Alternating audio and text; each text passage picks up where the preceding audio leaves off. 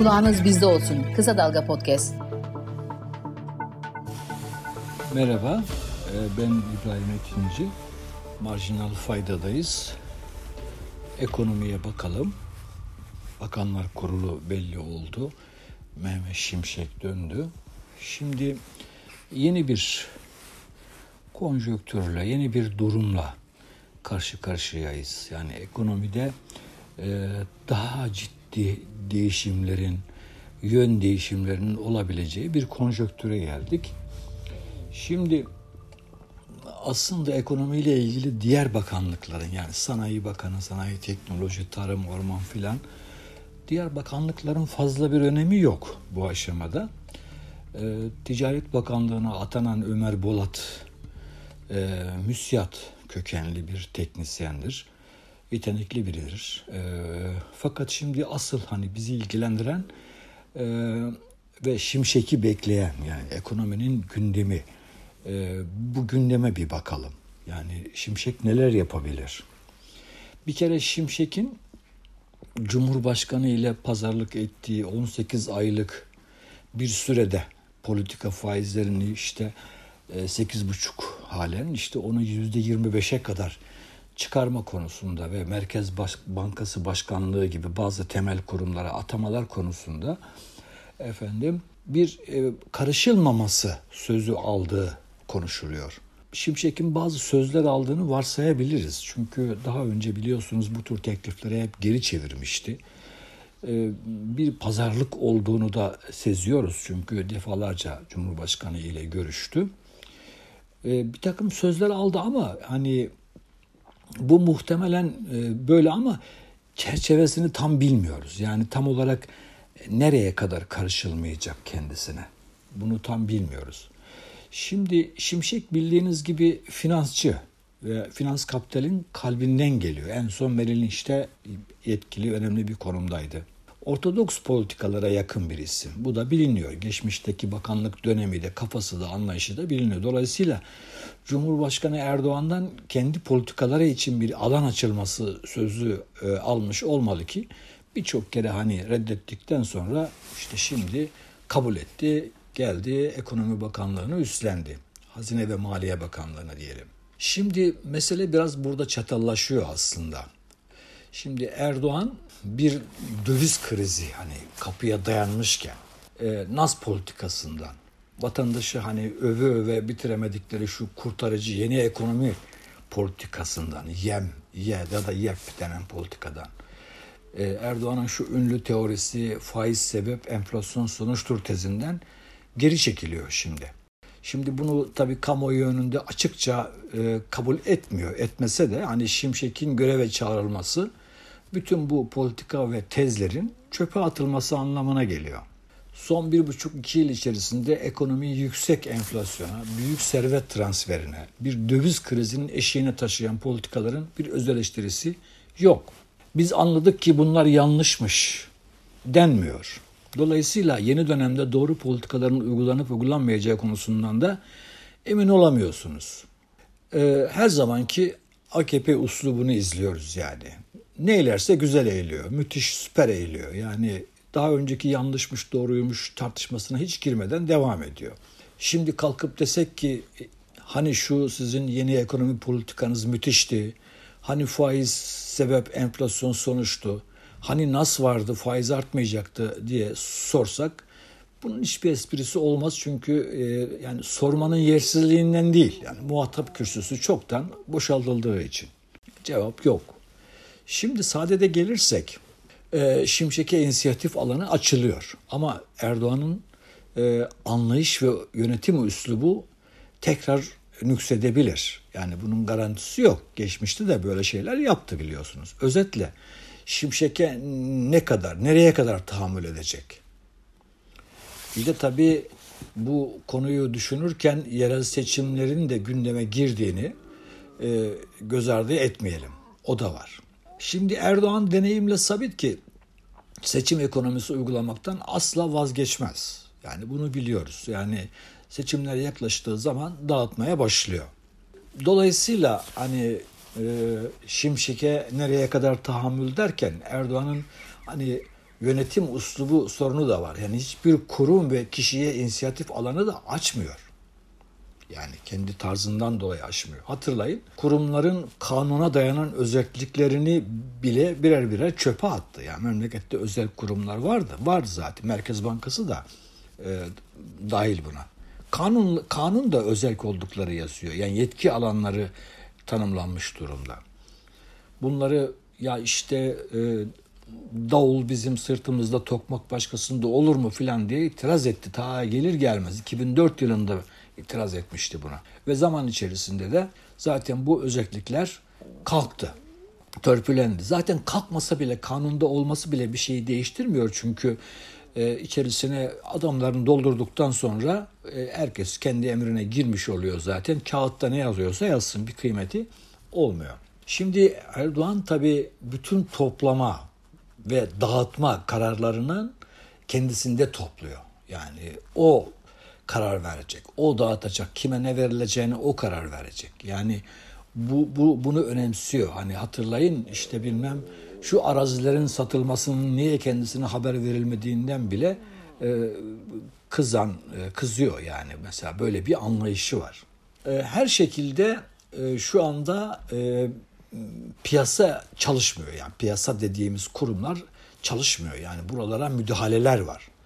Temel yönelimi ortodoks politikaların iktisadi çerçevesini oluşturan serbest piyasa yolundan çoktan çıktı. Başka bir yola girdi Erdoğan.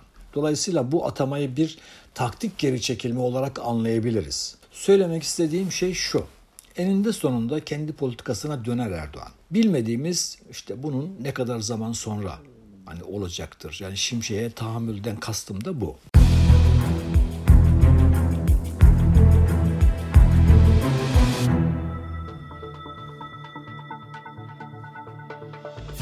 Şimdi üç olasılıktan söz edebiliriz Şimşek'in gelişiyle beraber. Mehmet Şimşek ekonomi politikasında tam yetkili olur. Bu takdirde ortodoks politikalar görürüz. Mehmet Şimşek vitrin olur. Kararları yine Erdoğan verir. Bu takdirde nas politikası sürer. Erdoğan'ın vitrine ihtiyacı var mı? Var. Çünkü dışarıdan para gelmiyor. Dışarıdan dışarıya böyle bir gösterip çekmek yani Erdoğan'ın taktikleri arasında var bu iş. Üçüncüsü para politikası Şimşek'in inisiyatifinde devam ederken maliye politikasında özellikle de yerel seçimler ve Cumhurbaşkanlığı seçimi dönemi vaatleri nedeniyle e, maliye politikasında Erdoğan'ın dediği olur. Bu takdirde eklektik, hibrit bir politika ile karşı karşıya kalabiliriz. Yani üç tane ihtimal var. Bütün bunlardan hangisinin ağırlık kazanacağını da önümüzdeki günler gelen kararlarla anlayabiliriz. Yani Şimşek tamam işbaşı yaptı. Bakalım nereden başlıyor, neler oluyor. O zaman anlayacağız. Şu an için daha fazla yani kesinlikle konuşmak imkan dahilinde değil. Bir buçuk yıl önce NAS var diyerek Ekonomi Bakanı'nı, Merkez Bankası Başkanı'nı görevden almıştı Erdoğan. Şimdi onların uygulamaya çalıştıkları politikaları uygulasın diye Şimşek'i iş başına getiriyor. Onlara bir yıl bile tahammül edememişti. Yani Elvan'a, e, Naci Ağbal'a, e, Şimşek'e edebilecek mi işte bilemiyoruz. Yani çok fazla belirsizlik var. Şimdi bir yandan da tabii gündem çok ağır. Yapılması gereken çok şey var. Bütün arızi semptomları gözeten sistematik bir program çerçevesi olmadan bu işlerin altından kalkmak pek mümkün gözükmüyor. öncelikle iki büyük problemle uğraşılması gerekiyor. Enflasyon ve döviz kıtlığı. Bunlar bu ikisi çok acil. Birincisi için ortodoks reçete politika faizinin artırılmasını öngörüyor. Şimşek de zaten bunu yapacak. %25'e kadar çıkarma sözü aldığını e, anlatılıyor, aldığı konuşuluyor. Enflasyon %40'ın altından daha da aşağılara doğru düşme eğilimini sürdürürse bu oranda faiz artışının etkili olması ihtimali var. Yani yakınsayacak çünkü faizde enflasyon diyelim 40'ın altına geldi, 30'un altına geldi. Siz de aşağıdan faizleri yükselte yükselte yaklaşıyorsunuz. Dolayısıyla bu oranda artışların etkili olma ihtimali vardır. Tabii bir günde 8,5'tan 25'e çekmeyecektir herhalde. Çok ani bir duruşa yol açar, çok büyük sorunlara yol açar. Muhtemelen e, daha düşük artışlarla devam edecek ve 25'e yani 18 ay konuşulduğuna göre herhalde bunu zamana yaymayı düşünüyor diye e, düşünmek gerekir. Şimdi yalnız bu hesabı bozabilecek e, gelişmeler de var. Kurdan enflasyona geçişkenliği dikkate alalım bir kere. Baz etkisi ortadan kalkıyor enflasyonda. Dolayısıyla bu beklenen döviz kuru artışı ile birlikte enflasyonun düşme değil aksine yeniden artma eğilimine girmesi ihtimali var. Dolayısıyla hani %25'e getirdim demenin bir esprisi olmuyor. Bu takdirde Merkez Bankası politika faizini daha yüksek oranlara çekme ihtiyacı doğabilecektir ki bu da Şimşek'in klasik reçetesi ile Erdoğan'ın her şart altında ve her zaman büyümeci politikası arasındaki çelişkinliği, gerilimi artıracaktır. Eğer %25 konuşuluyor ise, bunda mutabık kalınmış ise muhtemelen bu %25'e kadar tahammül edebileceğini düşünebiliriz. Hani o %25 saatine geldi de enflasyon da yukarı kalktı kafasına %60'lara falan gittiyse işler değişiyor. Orada orada işte Erdoğan e, Şimşek'i de yeniden gönderebilir. Şimdi şunlar da var. Yani Şimşek bir kere ücret artışlarından yana olmayacaktır. Faiz artışı ile talebi baskılamaya yönelirken Erdoğan'ın yerel seçime giderken kesenin ağzını açık tutma eğilimi Ortodoks reçetede para politikasının etkisini törpüleyen bir işler görecek. Ücretliler yerel seçimlere kadar iktidarın ilgi odağı içinde olacaklar. Yerel seçimler varsa işte bak gördünüz işte genel seçimler ve Cumhurbaşkanı seçimleri öncesinde EYT sorunları çözüldü, emekli maaşlarına zamlar falan yapıldı. Dolayısıyla seçimden seçime hatırlanan o e, durum devam edecek. Yani yerel seçimlere kadar ücretliler iktidarın ilgi odağı içerisinde olacaklar ve artışlar olacaktır. Şimdiye kadar yapılmış bütün artışlar artık açlık sınırı altında kalmış asgari ücret dahil. Bu kısmi enflasyona, bu kesimi enflasyona karşı koruyamadı. Durumunda belirgin bir düzelme sağlayamadı. Yani düzelme oldu ama hani enflasyona karşı koruduk noktasında da değiliz. Nitekim bu artışlar bir süre sonra işte yeni zamlarla filan geri alınıyor. Yani enflasyon, maaşet enflasyon düşüyor ama vatandaşın alım gücü de düşmeye devam ediyor. Çünkü zamlar devam ediyor. Yani aylık enflasyonlar, artışlar devam ediyor. Şimşek Erdoğan'ın büyümeci eğilimi de eğilimini de gözeterek faiz artışının yatırım kanalını zora sokmaması için aynı süreçte kredi teşviklerini de devreye alabilir. Yani tamam reçete uygulamaya başladı ama hani patronlar sermaye kesimi yine düşük e, faizli kaynak bulsun diye bazı teşvikler devreye alabilir. Ücret artışlarının sınırlanması pratik sonuç olarak faturanın emekçi kesimlere ödetilmesi anlamına gelir bu durumda. Çünkü patronlara teşviklerle destek verdin bir yandan da. Onların faturasını üstlendin, kamu olarak üstlendin. Ama ücret artışları sınırlandırıldığı zaman, enflasyona ezildiği zaman ücretli kesim, bunun pratik sonucu işte bu enflasyonla mücadele faturasının emekçi kesimlere ödetilmesi olur. Ortodoks reçeteler sermaye kesiminin baskın etkisi hırslı talepleri altında şekilleniyor her zaman. Sonuçta canlı büyüme potansiyelini gerçekleştirmesi beklenen bir ekonominin iki temel dinamiğinden biri olan talebin canlı olması için gerekli ücret artışlarına tahammül edemiyor sermaye kesimi. Şimşek'in geçmişte asgari ücret artışlarına karşı tutum aldığını da unutmayalım. Hem de çok sert karşı tutum aldığını hatırlayalım. Bu konudaki sicili gözetildiğinde emek örgütlerinin de bu arada devrede olması, takipte olması şarttır. Şimdi döviz durumuna gelince, dövizde durum şöyle bir kere 75 milyar dolar eksi rezervi yerine koymak gerekecek Merkez Bankası'nda. Üstüne de hiç olmazsa hani uluslararası standartta söylenir 3 aylık ithalatı karşılayabilecek ölçüde net rezerviniz olmalı. Bizim aylık ithalatımız 30 milyar doları geçiyor. 3 ay çarparsanız 100 milyar dolar buluyorsunuz. Dolayısıyla kısa vadede hani hem eksi rezervi yerine koyup hem de ideal olan 100 milyar dolar da bir rezerv biriktirmeniz gerekiyor. E, o halde yani düzgün bir merkez bankacılığı için yani bizim bir kere önümüzdeki dönemde Merkez Bankası'nın da döviz piyasasında alıcı olması, döviz toplaması yani rezerv biriktirmesi gerekiyor. Fakat hani şimdi 75 eksi, eksi e, kısmı üstü e, tamamladık, sıfıra getirdik. Yüzde efendim işte net rezerv koyduk, net uluslararası rezerv koyduk diyelim. 175 ediyor. Şimdi biz bunu böyle bir yıl içerisinde Merkez Bankası'nın bu kaynağı yaratması, bulması, koyması falan imkansız. Ama hiç olmazsa hani diyelim ki ilk yıl için hani yarısı da idare eder desek nereden baksanız yine bir 50 milyar dolara ihtiyaç var. Yani bu kesinlikle böyle gözüküyor. E bir yandan da cari açık yüksek seyrediyor. Yani 50 milyar dolarda bir cari açıktan e, kaynaklı döviz ihtiyacı olduğunu düşünürsek etti 100 milyar dolar. Bunun üzerine bir de kısa vadeli borçlardan gelebilecek e, döviz ihtiyacını eklemek lazım. Şimdi kısa vadeli e, borçlar 200 milyar doları geçti. Bunlar tabii yüksek faizle de olsa çevrilebiliyor, yeniden yapılandırabiliyor. 200 milyar dolara cepten çıkarıp ödemeniz gerekmeyebiliyor. Ama bir kısmında da kreditör hani bu bunu kapat diyebilir der diyor zaten böyle şeyler oluyor. Dolayısıyla bu 200 200 milyar dolara geçen hani önümüzdeki bir yılı konuştuğumuz için söylüyorum. Kısa vadeli borçta da borçlardan da hani kapatılması gereken kısımlar için belki bir 20-30 milyar dolar ihtiyaç olduğunu söyleyebiliriz. Dolayısıyla zaten bu bahsettiğim 3 kanaldan 100 milyar doların üzerinde 130 milyar dolara yakın bir döviz ihtiyacı var. Döviz ihtiyacı var. Bunu şey yapmamız gerekiyor.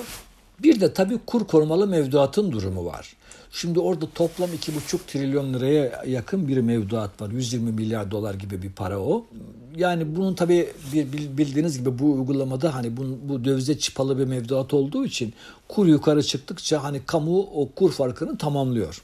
Dolayısıyla oradan bir yük oluşuyor. Hani o yükü çok önemsiz önemli görmeyebiliriz. Şimdiye kadar bir 200 milyara yakın ödeme oldu. Yani diyelim ki o katlandı 400 oldu 500 oldu. Fakat hani döviz tarafından baktığımızda başka bir risk var. Ya buradan hani bu kur korumalı mevduat uygulaması e, bitirilirse e, buradan hani çıkan vatandaş dövize yönelebilir.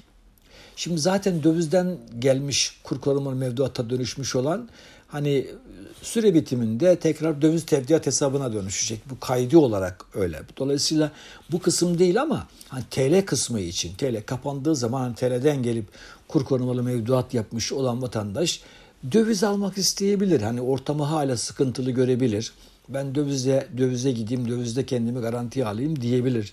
Zaten dövizde yükselecekmiş diye düşünebilir. Dolayısıyla bu kur korumalı mevduat işini ben Mehmet Şimşek'in böyle bir anda kaldıracağını sanmıyorum. Gerçi göreceğiz. Hani e, işbaşı yaptığı zaman aldığı kararlarla göreceğiz burada nasıl bir yol izleyecek. Ama burada buradan bir dövize talep gelmesi, kuru yukarı iten bir etki ortaya çıkması muhtemel gözüküyor. Şimdi içeride güvensizliği yenip yani yerleşiklerin döviz talebini düşürmek gerekiyor. Asıl mesele bu. Yani döviz içeride hani bu güvensizliği yenip e, içeriden kaynaklı döviz talebini düşürmek önemli. Dövize talebi düşürmenin tek yolu TL varlıkları cazip hale getirmek. Vatandaş dövize gidiyor. TL'ye gitsin. TL'ye gittiği zaman kazanması lazım. Enflasyonun üstünde kazanması lazım. Onu kastediyorum ve hani ve bunun yanında bir de tabii aynı dönemde döviz girişinin de başlaması gerekiyor.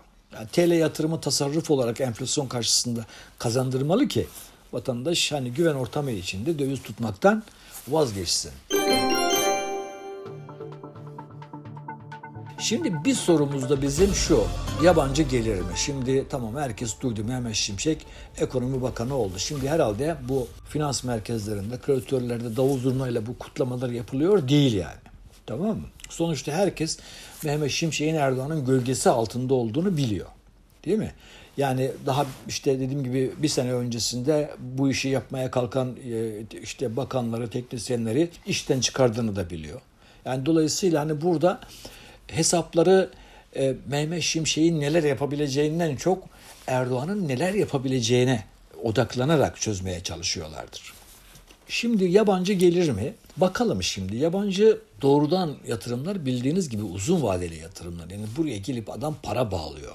Yani ha deyince çıkabileceği bir şey değil. Şirket almış, yatırım yapmış, fabrika kurmuş. Dolayısıyla bunlar uzun vadeli yatırımlar. Doğal olarak Türkiye'nin uzun vadede geleceği ile ilgili yatırım ortamı ile ilgili verilere beklentilere bakacaklardır bunlar. Bu tarafta ben çok iştahlı bir eğilim olacağını sanmıyorum. Yani sıfırdan e, doğrudan yabancı yatırımlar tarafında bir iştah patlaması olacağını, buradan çok büyük paralar geleceğini sanmıyorum. Ama burada 80 bin tane yabancı yabancı ortaklı şirket var Türkiye'de. Dolayısıyla bunlar hani böyle rafta kalan, bekleyen bir takım yatırım projelerini uygulamaya, sermaye takviyeleri yapmaya başlayabilirler. Dolayısıyla buradan eskisi kadar mesela 20 milyar dolar seviyelerini bulduğu zamanlar olmuştu. O kadar olmaz ama bir miktar e, bir e, bir yabancı sermaye gelebilir. Ciddi olmayan artışlar de diyorum ben. Yani buradan giriş olur ama çok ciddi olmaz. Borsaya gelirler gibi gözüküyor. Yani son haftalarda e, zaten çıkış izledik borsada. Borsa şimşek haberlerinden sonra yukarı hareket etti dikkat ediyorsanız. Özellikle bankalar, bankaları sıkıntıya sokan bu kararlar kalkacak diye uygulamalar kalkacak beklentisiyle banka hisseleri yukarı gitti. Borsa kar fırsatları sunuyor bence. Yani yabancıların borsaya ilgisinin olacağını söyleyebiliriz. Şimdiye kadar hep çıkıştaydılar. Payları da işte %30'lu seviyelere falan gelmiş idi. E, burada yeniden bir ufak ufak girişler görebiliriz. Ben borsa tarafında yabancı girişi olabileceğini tahmin ediyorum. Şimdi ama bizim hani sıcak parayı konuşurken geçmişte o bol sıcak parayı konuştuğumuz zamanlar o konjöktürün yeniden dönmesi ihtimali var mıdır? Ona bakmamız lazım. Şimdi geçmişte Türkiye'ye sıcak para gelişinin en önemli nedeni TL'nin değerli oluşuydu. Yabancı döviz getiriyor buraya, bozduruyor, TL'ye geçiyor. TL varlıklara yatırım yapıyor. Sonra çıkması gerektiği zaman tekrar hani dolara döndüğü zaman karda kalıyordu. Çünkü dolar yani TL değerli, dolar ucuz. Bu bu bu bu bu bu konjöktür içerisinde geliyordu yani. Tamam mı? Yabancı. Yani e, ve buradan da çok yüksek karlar ediyordu. Mesela bazen biz hesapladığımızı hatırlıyorum.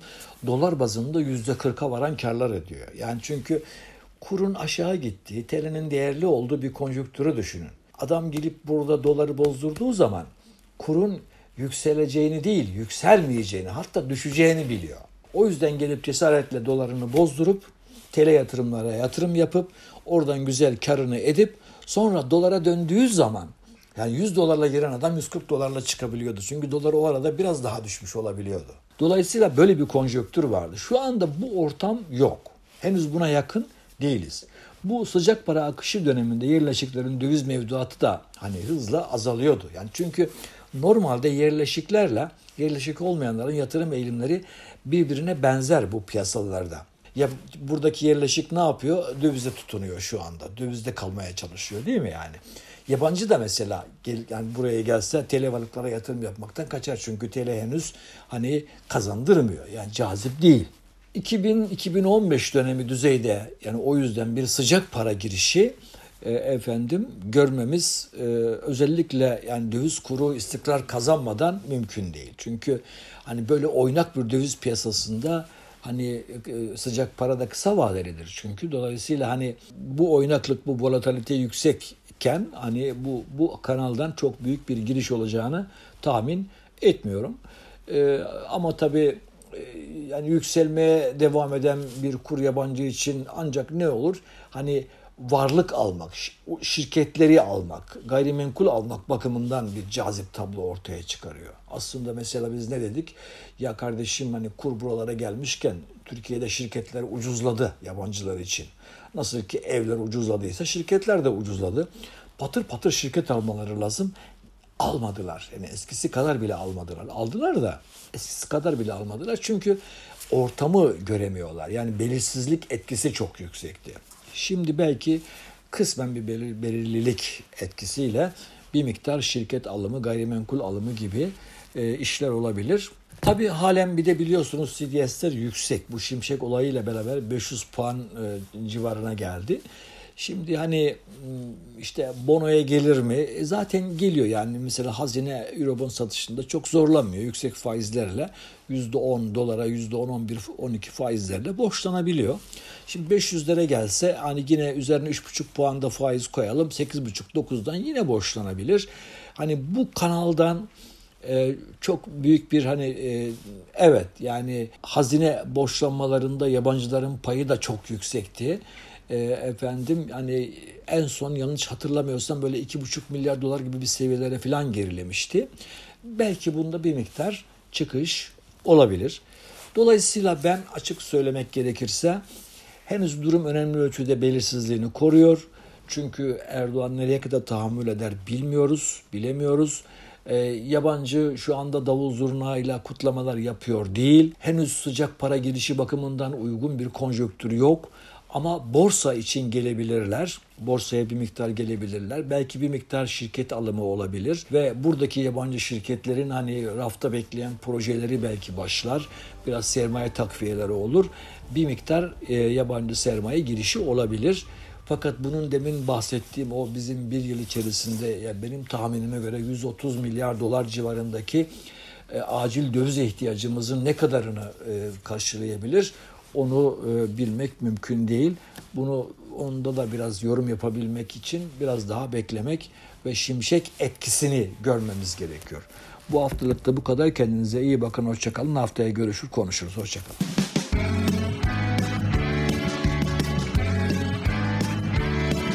Kulağınız bizde olsun. Kısa Dalga Podcast.